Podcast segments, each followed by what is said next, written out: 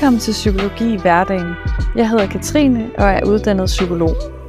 I denne podcast fortæller jeg om psykologiske problematikker, som de fleste af os kan ikke genkende til at opleve i vores hverdag i større eller mindre grad. Derudover giver jeg dig enkle og anvendelige teknikker til at håndtere disse forskellige psykologiske problematikker. Tak fordi du lytter med.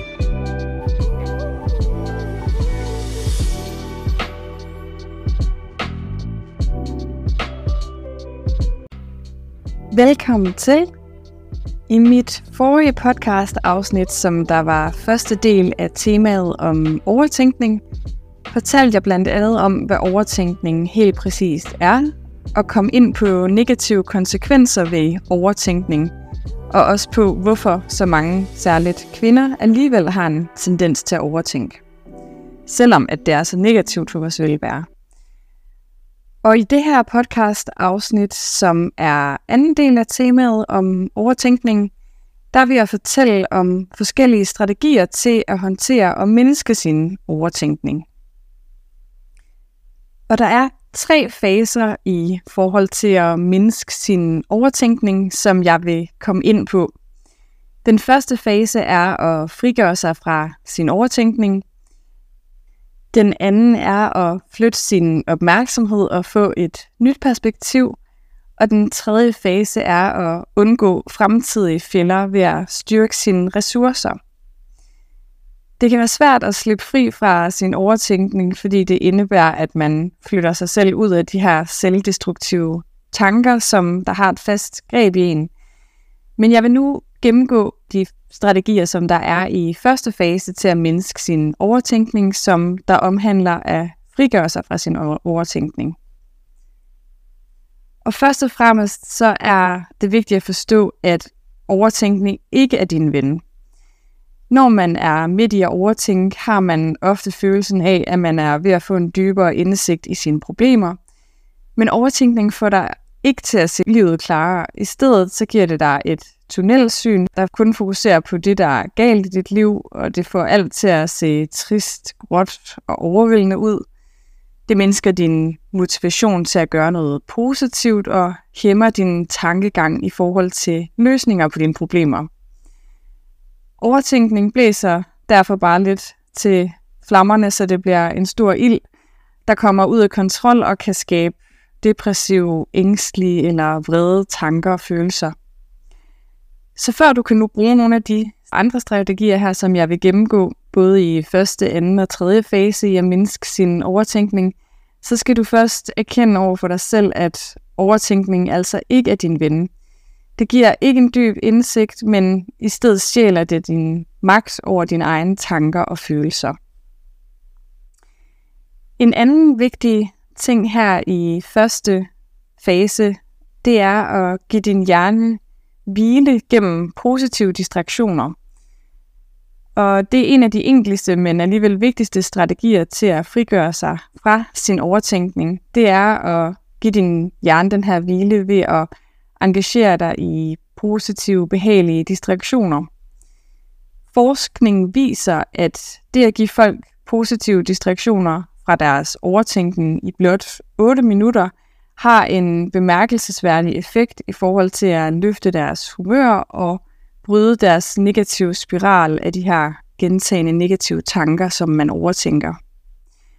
Og desuden så har studier vist, at det at bryde sin overtænkning ved at lade folk fokusere på behagelige distraktioner, at det også forbedrer deres tænkning, som gør dem mere positive, afbalancerede og mindre negative.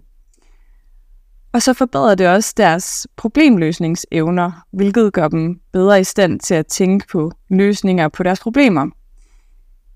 Så selvom behagelige positive distraktioner primært kan give en kortvarig lindring fra sin overtænkning, så skaber det også nogle bedre forudsætninger for langsigtet lindring af ens overtænkning ved at forbedre ens evner til at overvinde de problemer, som man overtænker. Motion giver et boost til din hjerne og har en sund og en sund form for distraktion fra din overtænkning, ligesom andre hobbyer er, hvor du føler, at du måske glemmer lidt tid og sted, Øhm, prøv måske at få en ny hobby, som der kræver din fulde opmærksomhed, og at du opbygger nye færdigheder. Andre positive, behagelige distraktioner, som der kan virke for nogen, det kan for eksempel være at læse en bog, se en film eller serie, lege med dine børn eller kæledyr, hvis du har det, eller måske lave frivilligt arbejde, hvor du hjælper andre. Distraktioner de frigør dig fra overtænkning ved at bryde de her negative forbindelser i din hjerne.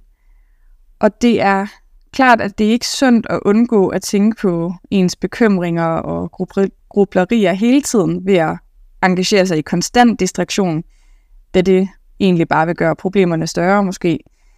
Øhm, men det er alligevel vigtigt at gøre, så overtænkningen ikke får lov at fylde store dele af ens dag, og dermed kan medføre måske depressiv eller angste tanker og følelser. Forskning har også vist, at distraktioner, som der involverer koncentration og fysisk aktivitet, er nogle af de mest effektive distraktioner til at mindske overtænkning.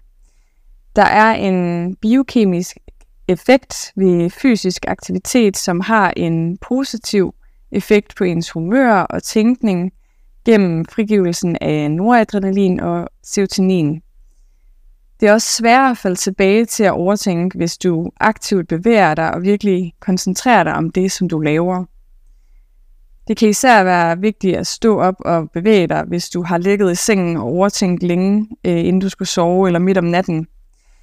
Hvis du har ligget i sengen og overtænkt i mere end et kvarter eller 20 minutter, så prøv at rejse dig op og forlade rummet og Fald ikke i fælden med at tro, at hvis du bare lige ligger et par minutter mere, så vil du være i stand til at lukke ned for dine bekymringer og falde i søvn. Og fald især ikke i fælden med at tro, at du får en stor indsigt i dine problemer ved at tænke dem igennem i løbet af natten. For den tankegang, som vi har sent om aftenen eller om natten, den har sjældent nogle særlige fordele og er ofte fyldt med angst og frygt. Og hvis du får mindre søvn i løbet af natten, vil du formentlig også være mere træt næste dag, hvilket også vil mindske din evne til at tænke klart. Så rejs dig derfor op og gå et roligt sted hen, for eksempel i din stue, og læs noget behageligt. Øh, lad være med at arbejde, og læs ikke noget, som der sådan er bekymrende. Og når du så begynder at føle dig træt, så prøv at gå ind i sengen igen. Endnu en strategi her i første fase i at mindske sin overtænkning, det er at have grubletid. Når du føler, at du ikke bare kan lægge de her overbevisende problemer til side, som du bekymrer dig om, så kan du få en vis kontrol ved at planlægge grubletid i en halv time til en time om dagen. Bare ikke lige gøre det, inden du skal sove. Øhm, men det er så et tidspunkt, som du afsætter til ikke at gøre andet end at tænke. Og så kan du så sige til dig selv på andre tidspunkter i løbet af dagen, at jeg undgår altså ikke mine problemer, jeg planlægger bare gruppetid til at tænke på dem, i stedet for at, i stedet for at evaluere dem nu her, når jeg har andre ting, som jeg skal tage mig til. Øhm, det kan frigøre dig fra din overtænkning, så du kan vende tilbage til det, der er nødvendigt nu og her i din hverdag, for eksempel dit arbejde, passe dit barn eller få søvn. Og mange de opdager ofte, at når deres planlagte gruppetid så kommer, så virker de problemer, som de tænkte på, øhm, en eller anden, på en eller anden måde ikke så store eller vigtige, som da de først dukkede op tidligere på dagen. Endnu en strategi her i første fase, det er meditation. Og i meditation, der fokuserer du intens din opmærksomhed på øjeblikket, for eksempel dit åndedræt, mens du lader din overtænkning aftage naturligt. Og hvis bekymrende tanker kommer, så kan du øh, langsomt øh, trække din opmærksomhed tilbage til dit åndedræt. Og efter 10 minutter, et kvarter eller deromkring, så vil du formentlig opleve, at din krop er mere afslappet, og dine tanker er mindre belastet og bekymret af de her negative tanker, som du havde før. Endnu en måde at slippe fri fra overtænkningen her i første fase, det er at tale med et familiemedlem eller en god ven. For at tale med en anden person kan hjælpe dig med at overvinde de negative grublerier, hvis den her person får dig til at føle dig accepteret og forstået, og hjælper dig med at problemløse de problemer eller tanker, du har. For eksempel så kan en ven bede dig om at forklare mere om den situation, der udløste dit dårlige humør.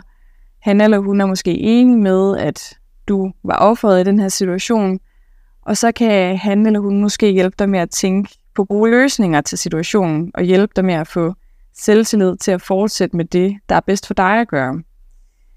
At tale med nogen om din overtænkning kan dog give bagslag for venner kan nogle gange bare forværre dine bekymringer ved at føle for meget med dig, kan man sige. Øhm, vi ser, at hvis altså de ikke hjælper dig med at få et bredere perspektiv på dine problemer. Så hvis du vil have en ven til at hjælpe dig med at mindske overtænkning, så kan du for eksempel sige, at jeg føler mig meget fastlåst og hjælpeløs i den her situation, og jeg ved ikke, hvad jeg skal gøre. Jeg vil gerne have dig til at hjælpe med at tænke nogle ting igennem, og måske øh, hjælpe mig med at gøre noget, som jeg kan, så jeg kan begynde at få mere kontrol over nogle af de her problemer, jeg har. En sidste strategi, jeg vil komme ind på her i første fase til at mindske din overtænkning, det er at skrive dine tanker ned.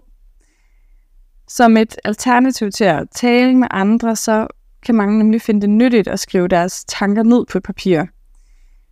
Altså, hvor du oversætter din frygt øh, eller grublerier til sætninger. Øh, det sætter nogle gange nogle begrænsninger og struktur omkring dem, så de ikke føles så ukontrollerbare.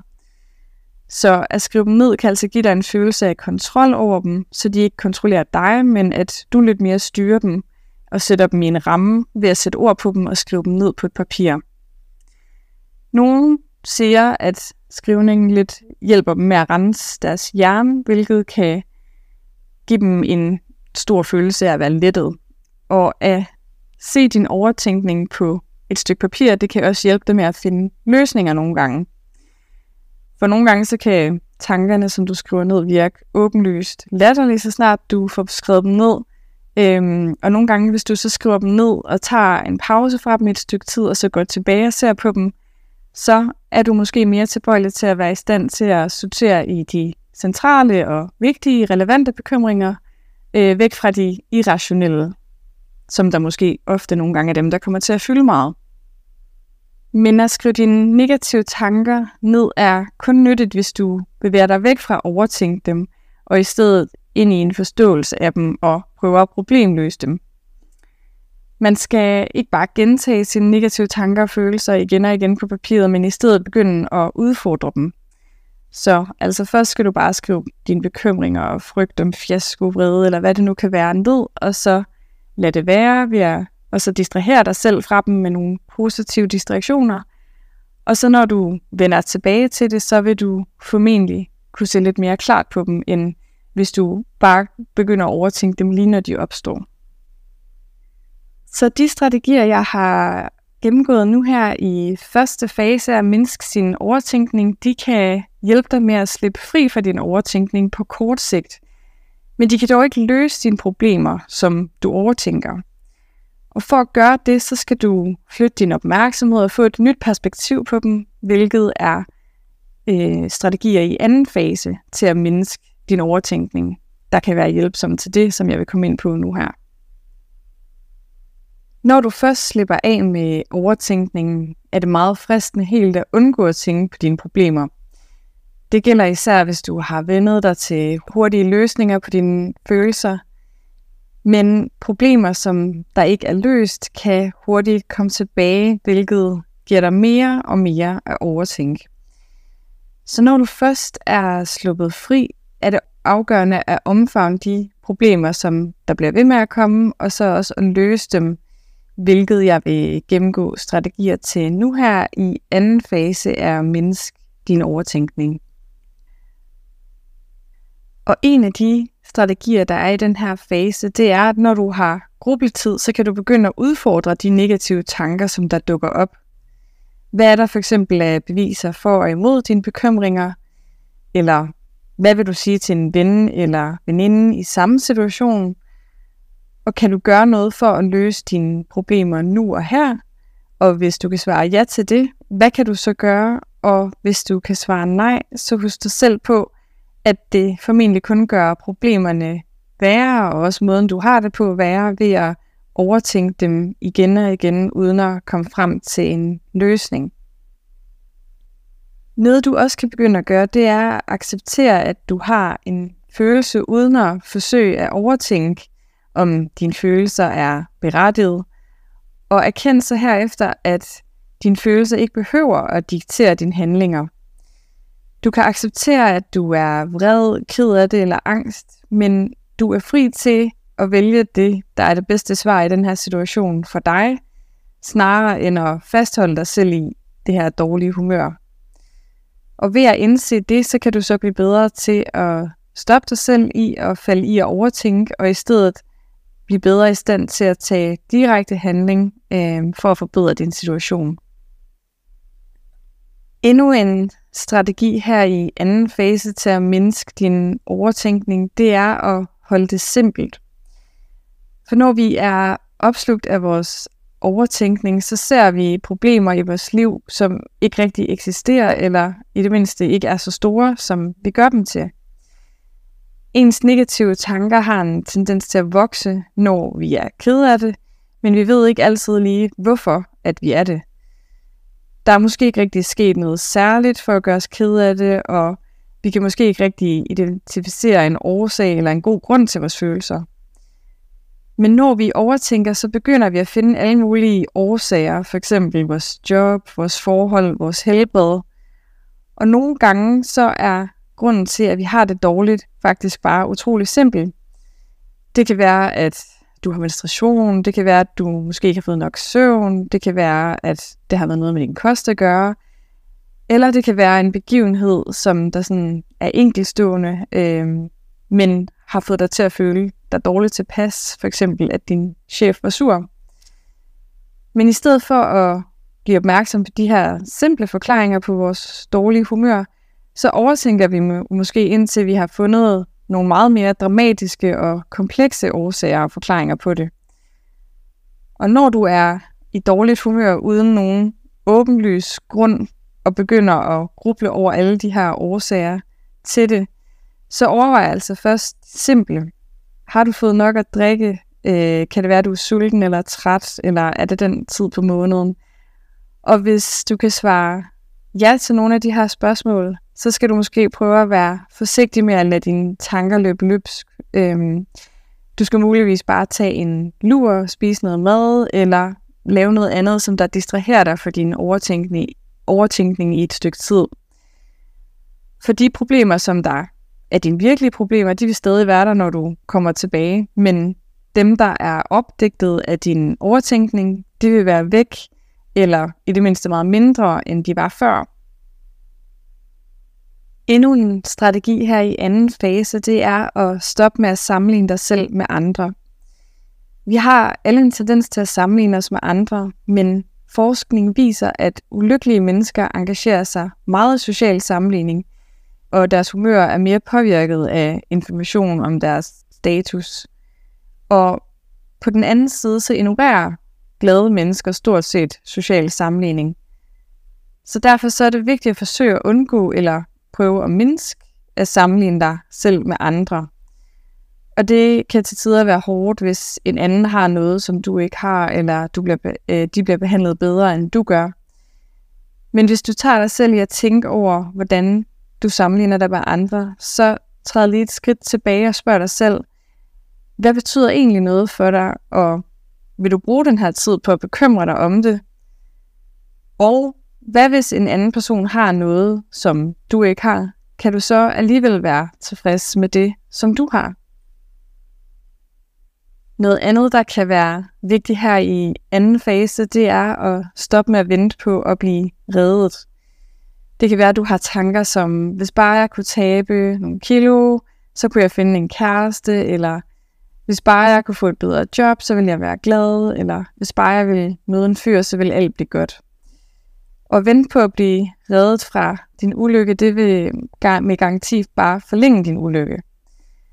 Og man har egentlig sådan grundlæggende to valg, kan man sige. At lære at kunne lide sine nuværende omstændigheder, eller at ændre dem. Men vi er blevet meget hurtigt vant til de her hurtige løsninger. Øh, at det er nemt at tro, at en hurtig ændring i omstændigheder, for eksempel et nyt job, en ny kæreste, at blive gravid igen, altid er vejen at gå.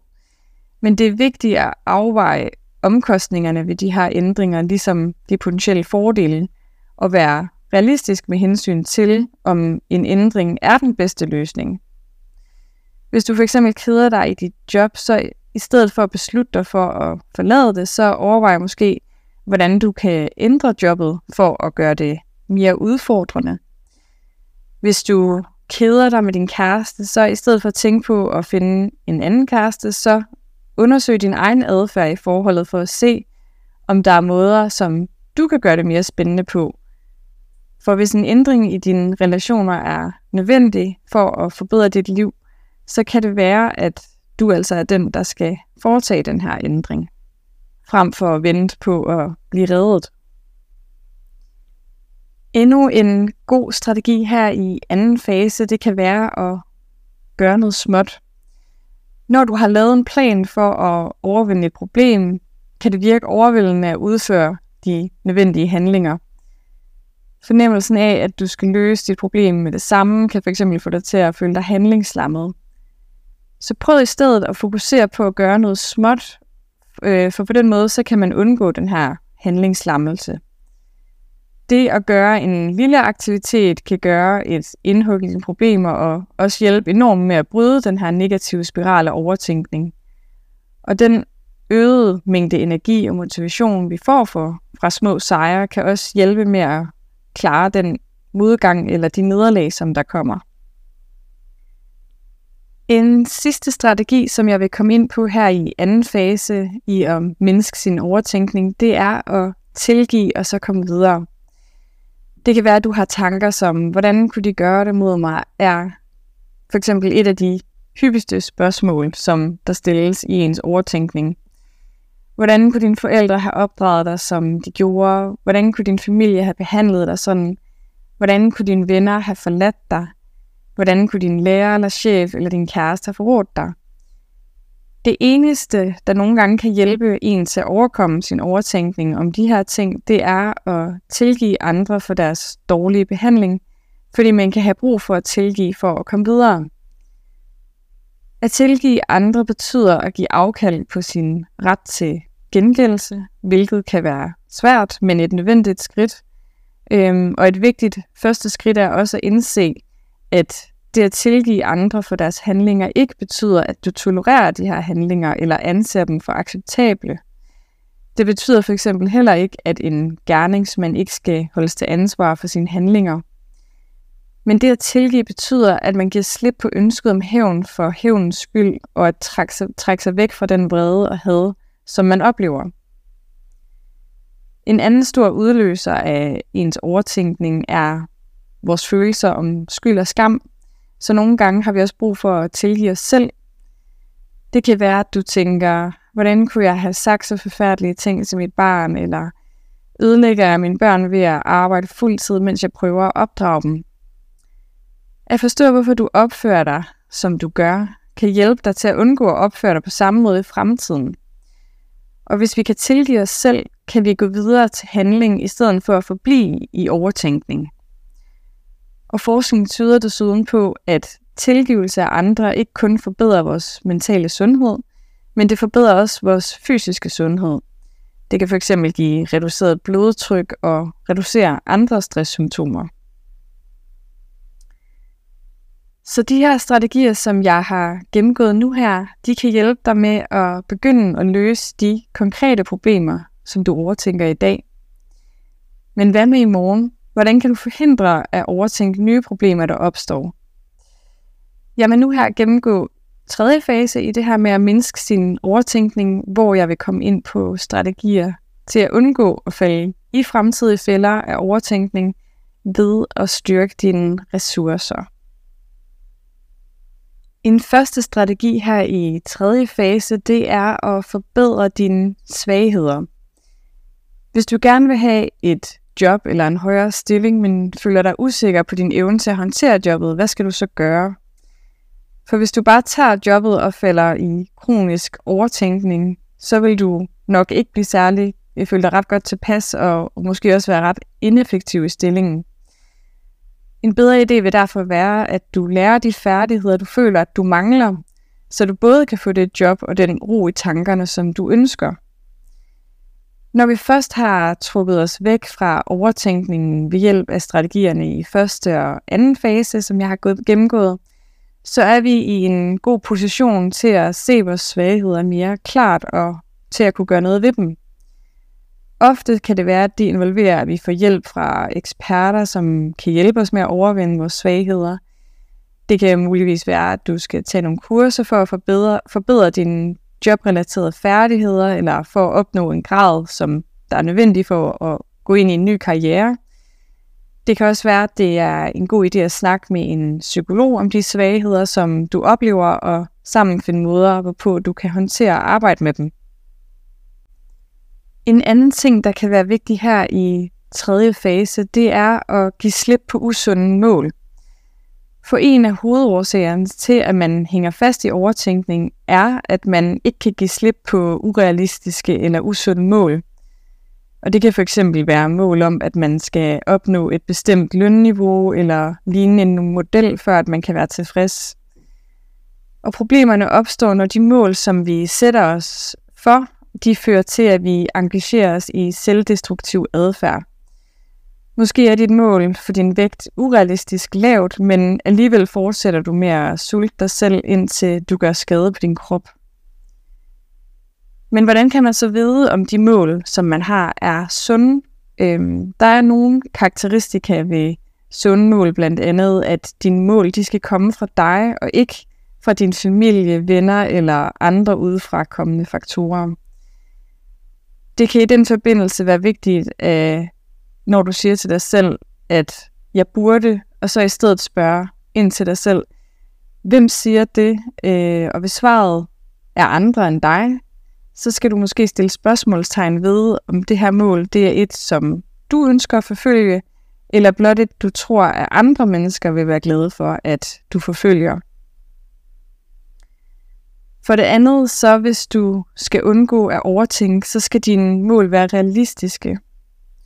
Konstant stræben efter urealistiske mål, for eksempel at komme ned i en ekstrem lille tøjstørrelse, ændre din mors personlighed, aldrig at have udfordringer i dit ægteskab øh, eller andre ting. Det vil for eksempel med garanti føre til overtænkning. Og forskere de har fundet frem til, at de lykkeligste ældre mennesker, det er dem, som der har tilpasset deres mål, så de passer til virkeligheden i deres nuværende omstændigheder. For eksempel hvis en livslang løber må opgive at løbe langt på grund af ledproblemer, men han eller hun i stedet udfører et sæt mindre anstrengende fysiske øvelser for at holde sig sund og aktiv. Noget andet kan være at droppe og sætte modstridende mål, for eksempel at være mega karrierekvinde og nybagt mor på samme tid.